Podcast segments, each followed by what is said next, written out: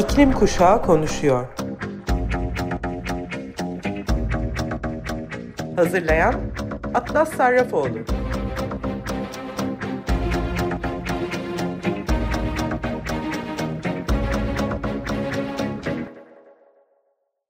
Merhaba Sayın Açık Radyo dinleyicileri.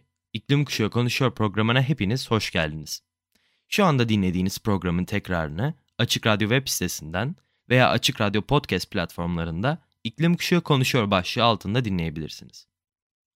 Bugün size yeni duyduğum ve önemli olduğunu düşündüğüm bir iklim kavramından bahsedeceğim. Ama öncesinde her geçen gün bir yenisi eklenen iklim davalarından yeni birine bakalım istiyorum. Yaşları 8 ila 17 arasında değişen 18 Kaliforniyalı çocuktan oluşan bir grup onlarca yıldır çocukların sağlığına ve refahına zarar verdiği iddiasıyla ABD Çevre Koruma Ajansı yani kısa adıyla EPA'ya karşı federal mahkemede yeni bir anayasal iklim davası açtı. Genesis B, Amerika Birleşik Devletleri Çevre Koruma Ajansı davasında EPA'nın gezegenin ısınmasının taşıtlar, ağır iş kamyonları, enerji santralleri, petrol ve gaz kuyuları gibi düzenlemelerinden sorumlu olduğu kaynakların sebep olmasına kasıtlı olarak izin verdiği iddia ediliyor.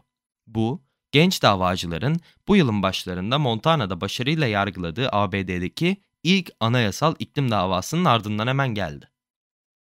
Davada ayrıca kurumun çocukların sağlığına ve refahına verdiği zararı bilmesine rağmen bu kirliliğe izin verildiği iddia ediliyor.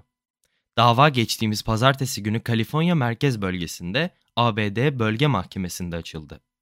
Our Children's Trust, baş hukuk müşaviri Julia Olson yaptığı açıklamada her çocuğun sağlığını ve bir ulusun refahını korumak için havayı temiz tutmak ve kirliliği kontrol etmekle açıkça görevlendirilmiş EPA diye bir federal kurum var. Ajans iklim kirliliği söz konusu olduğunda tam tersini yaptı ve artık EPA'nın ABD anayasasını ihlal etmekten ve kongre tarafından devredilen yetkiyi kötüye kullanmaktan mahkemelerimiz tarafından sorumlu tutulmasının zamanı geldi dedi. Davadaki sanıklar arasında mevcut EPA yöneticisi Michael Reagan da yer alıyor.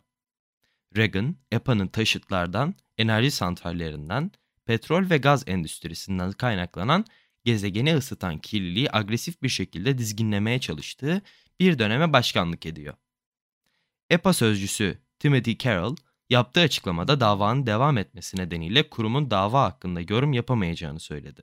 Ancak ajansın iklim krizinin gerektirdiği aciliyetle düzenlemeler hazırlama konusundaki kararlılığını yineledi. Carroll, ajansın süper kirletici metağını durdurmaya yönelik son düzenlemelerine atıfta bulunularak yaptığı açıklamada EPA, toplulukları korumak ve iklim değişikliğine neden olan kirliliği azaltmak için yetkililerinin tüm kapasitesini kullanmaya kararlıdır dedi. Carroll ayrıca yakın zamanlarda kurulan ve çevreye odaklanan bir EPA Gençlik Dayanışma Konseyi'nde de yeşil ışık yaktı. Bu gençlik iklim davasının temeli Biden yönetiminin çok çok ötesine uzanıyor. Davacılar EPA'nın 50 yıl önce kurulduğundan bu yana bu kirliliğin çocuklara zarar verdiğini bilmesine rağmen ABD'nin gezegeni ısıtan kirliliğin en büyük yayıcılarından biri haline gelmesine izin verdiği iddia ediliyor. Genç davacılar ifadelerinde iklim kaynaklı orman yangınlarının, aşırı sıcaklıkların ve sellerin hayatlarını nasıl doğrudan etkilediğini anlattı. 15 yaşındaki davacı Noah yaptığı açıklamada kontrol edilemeyen yangınlardan kaçıyoruz. Sel nedeniyle evlerimizi kaybediyoruz. Yeni bir sıcak hava dalgası sırasında sıcak sınıflarda paniğe kapılıyoruz. Gelecek konusunda sürekli bir endişe duyuyoruz ve etrafımızda hiç kimse yeterince hızlı hareket etmiyor. Anayasa, her Amerikalının yaşam, özgürlük ve mutluluk arayışı haklarını, özellikle de çocukları garanti altına alır dedi. Evet, bu davayı sizinle paylaşmak istedim çünkü dünya üzerinde iklim ile ilgili açılan davaların hepsinin geleceğimiz açısından çok değerli olduğuna inanıyorum. Gelelim iklim dünyasında yeni tanıştığım ve bugün üzerinde durmak istediğim bu kavrama. İklim gölgesi. Anlamına bakınca bireysel çevresel etkinizi düşünmek için bir yöntem. Seçimlerinizin tamamı ve bunların gezegen üzerindeki etkisi. İklim gölgesi kavramı eleştirmenlerin en iyi ihtimalle zaman alıcı ve en kötü ihtimalle anlamsız olduğunu söylediği karbon ayak izinin yerini almak üzere ortaya çıkıyor. İklim gölgesi ne yediğinizi veya işe nasıl gittiğinizi ölçmek yerine yaşam tercihlerinizi kapsar. Gölge ne kadar büyük olursa bireyin gezegen üzerindeki olumlu etkisi de o kadar büyük olur. Yani karbon ayak izini unutun. Asıl önemli olan iklim gölgeniz. Diyecek kadar ileri gidebileceğimiz bir kavram bu aslında. Küresel iklim krizinin çapı o kadar büyük ki bireysel eylemler anlamsız görünebilir. Evinize led aydınlatma takmak veya arabanızın lastiklerinin şişirilmiş olması gerçekten kutup ayılarını kurtarmaya yardımcı olabilir mi? Bireylerin iklim değişikliğine katkılarını değerlendirmelerine yardımcı olan en popüler araçlardan biri karbonayak izi hesaplayıcısıdır. İşe giderken hangi ulaşım aracını kullandığınız, ne sıklıkla kırmızı et yediğiniz ve kıyafetlerinizi soğuk suyla yıkayıp yıkamadığınız gibi ayrıntıları girmenize olanak tanıyan bu tür yüzlerce hesaplayıcı çevrim içi olarak mevcut. Ancak benim gibi bu hesaplayıcıları eleştirenler karbonayak izinize odaklanmanın en iyi ihtimalle zaman alıcı, en kötü ihtimalle ise anlamsız olduğunu savunuyoruz. Bunun yerine iklim gölgesi daha bütünsel bir alternatif olarak ortaya çıkıyor. İlk olarak Portland, Oregon'da yaşayan yazar Emma Patty tarafından ortaya atılmış iklim gölgesi. Kavram, kişinin tercihlerinin ve bunların gezegen üzerindeki etkisinin tam bir resmini çizmeyi amaçlıyor. Patty 2021'de yazdığı bir makalede bireyin etkisini ölçmeye yönelik konseptini şöyle detaylandırmış. İklim gölgeniz arkanıza uzanan bir karanlık şeklidir. Gittiğiniz her yere gider yalnızca klima kullanmanızı ve iklim değişikliğini hesaplamaz. Arabanızın yakıt tüketimi, aynı zamanda nasıl oy verdiğiniz, kaç çocuk sahibi olmayı seçtiğiniz, nerede çalıştığınız, paranızı nasıl yatırdığınız, iklim değişikliği hakkında ne kadar konuştuğunuz ve sözlerinizin aciliyeti, ilgisizliği ve inkarı arttırıp arttırmadığına bakar. Gölge ne kadar büyükse bireyin gezegene iyilik yapma üzerindeki etkisi de o kadar büyük olur. Şu iki kişiyi düşünün. Biri her hafta iş için uçuyor. Diğeri stüdyo dairede yaşıyor ve her gün ofise yürüyerek gidiyor. Görünüşte kimin daha büyük karbon ayak izine sahip olduğu aslında çok açık. Uçmak emisyon açısından herkesin bildiği gibi berbat bir şeydir. Ve haftalık bir uçuşu küçük bir evin enerji kullanımıyla ve günlük işe gidip gelmenin emisyonlarıyla karşılaştırdığınızda sonuç barizdir. Ancak burada bir sorun var. Haftada bir uçan kişi dünyayı dolaşarak iklim değişikliğinin tehlikeleri hakkında eğitim veren bir iklim bilimci. İkinci ise bir pazarlama ajansında çalışıyor ve bir petrol şirketinin reklamlarını hazırlıyor. Peki bu durumda iklim acil durumuna kim daha fazla katkıda bulunuyor? Neredeyse 20 yıl önce BP'nin dikkatleri kişisel çabalara odaklanmaya çalışan akıllı bir kampanyası bize iklim değişikliğine kişisel olarak ne kadar katkıda bulunduğunuzu hesaplamanıza yardımcı olacak artık her yerde bulunan bir araç olan karbon ayak izi kavramını getirdi. Hangi hesap makinesini kullandığınıza bağlı olarak ayak iziniz, elektrik kullanımınızı, kaç kilometre sürdüğünüzü ve arabanızın yakıt tüketimini, su kullanımınızı, yeme alışkanlıklarınızı ve ne kadar uçtuğunuzu, ne kadar çöp attığınızı hesaba katabiliyor. Doğası gereği karbon ayak izi hesaplayıcıları bireysel eylemleri öne çıkarırken büyük endüstrilerin etkisini veya hükümetlerin bunları sınırlamada oynadığı rolü göz ardı ediyor. Karbon ayak izi hesaplayıcılarını eleştirenler, örneğin suçu ve dikkati kendilerinden alıp sıradan tüketicilere kaydırmak için petrol şirketleri tarafından bu araçların kullanıldığını iddia ediyor. BP karbon ayak izi kavramını benimsediğinde ve bunu duş sürenizi kısaltmak veya kıyafetlerinizi kuruma yazmak gibi küçük, iyi hissettiren faaliyetlere bağladığında hikayeyi önemli ölçüde kurumsal sorumluluktan kişisel sorumluluğa kaydırdı. Daha da trajik bir sonuç ise fosil yakıt endüstrisinin karbon ayak izini vatandaşların odaklanacağı en önemli şey olarak öne çıkararak enerjimizi gerçekten önemli olan şeye yani kolektif eyleme ve aktivizme harcamamamızı sağlamaktır. The Nature Conservancy baş bilim insanı ve Texas Tech Üniversitesi'nde profesör olarak Catherine Hayhoe, karbon ayak izi doğruluğun niceliksel bir ölçüsüdür diye açıklıyor. Karbon ayak izi ile ilgili sorun iklim bilimcilerin ve petrol endüstrisi pazarlamacılarının gösterdiği gibi ayak izlerimizin iklim krizine gerçek bireysel etkimizin doğru bir resmini çizmemesi gibi görünüyor.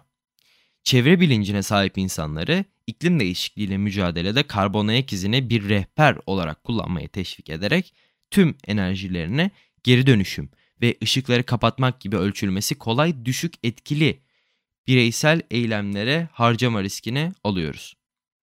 Greta Thunberg'in Fridays for Future hareketini yaratmak yerine dikkatini daha az su kullanmaya veya süt ürünlerini bırakmaya adadığını hayal edin. Fark tam da burada yatıyor bence. Örneğin çatınıza güneş panelleri yerleştirirseniz karbon ayak iziniz küçülebilirken iklim gölgeniz komşularınızla seçimleriniz hakkında konuşurken tam tersine büyüyecektir. Sadece güneş panellerini sergilemenin sosyal etkisi bile gölgenizin boyutunu etkileyebilir.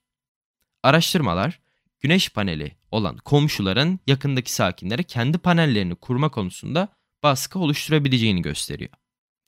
Başka bir deyişle tamamen bireysel eylemleri teşvik etmek yerine bu eylemler bilerek veya bilmeyerek başkalarına ilham verdiğinde iklim gölgenizi büyütür. Ayak izinin nasıl hesaplandığı ile ilgili özellikle sorunlu bir yönde de birçok insanın çok az seçeneği olduğu için daha büyük karbon ayak izine sahip olabilmesidir. Mesela kimileri toplu taşımanın az olduğu bir bölgede yaşadıkları için çok araba kullanmak zorunda kalabilirler. Bu dengesizlik Patty'yi rahatsız etti. Karbon ayak izimizin büyük bir kısmının kontrolümüz dışında güçler tarafından oluşturulduğu benim için netleşti diye açıklıyor. Şehirlerimizin nasıl tasarlandığını gerçekten hesaba katmıyoruz. Toplu taşımaları hesaba katmıyoruz. Hangi ülkede doğduğumuzu ve yaşadığımızı bile hesaba katmıyoruz diyor.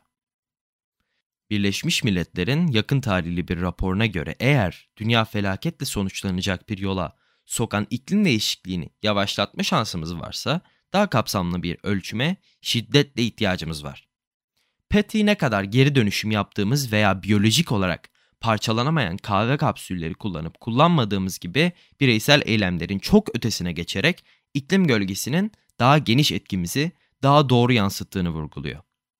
İklim acil durumumuz bizden tıpkı Fitbit veya akıllı termostatlarımızın ölçümlerini aldıktan sonra yapabileceğimiz gibi alışkanlıklarımızı değiştirmekten daha fazlasını gerektiriyor. Kar amacı gütmeyen bilim destek grubu Climate Communications'ın yöneticisi Susan Joy Hassel, insanlar sayılar ve derecelendirmelerde güç olduğunu düşünüyor, diyor ve şöyle devam ediyor. Fakat bence daha önemli olan birisinin elinden gelen her şeyi yaptığını bilmesidir. Elimizden geldiğince hızlı elimizden geleni yapmalıyız. Bireysel bir kolektifin somut ile soyutun birleşimi iklim gölgesinin ilgi savunucusu olan Profesör Heyho'nun ilgisini çekiyor. İnsanlar her zaman iklim değişikliğini düzeltmek için bireysel değişiklikler mi yoksa sistem çapında değişiklikler mi gerektiğini tartışıyor ve kavga ediyor. Ne zaman birisi bana bu soruyu sorsa cevabım evet oluyor. Bireysel eyleme ihtiyacımız var ama bireysel eylem yeterli değil diyor.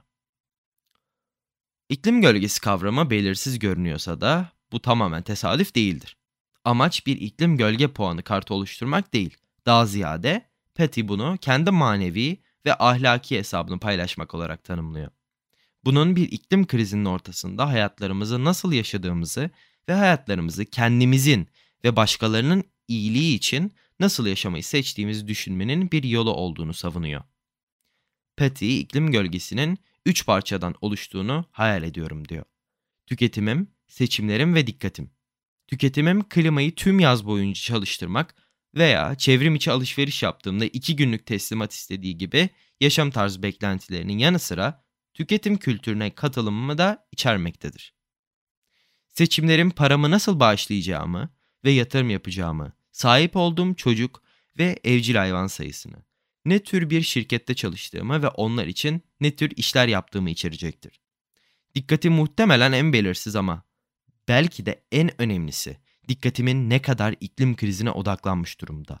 İklim eylemine kaç saatimi ayırıyorum? Şirketlere karşı derin öfke duyan insanlarla ampullerini değiştiren insanların birbiriyle kavga etmesinde aslında hiç gerek yok. Hepsi daha büyük bir hesaplaşmanın farklı aşamalarındaki insanlar sadece. Kutuplaşmaya gerek yok. Çünkü tüm yaptıklarımızla gerçek bir değişimin parçası olabiliriz. Umutları ileriye taşıyabiliriz. İklim Kuşağı Konuşuyor programı için ayrılan süre dolarken sizin için seçtiğim şarkıyı çalma zamanı geldi.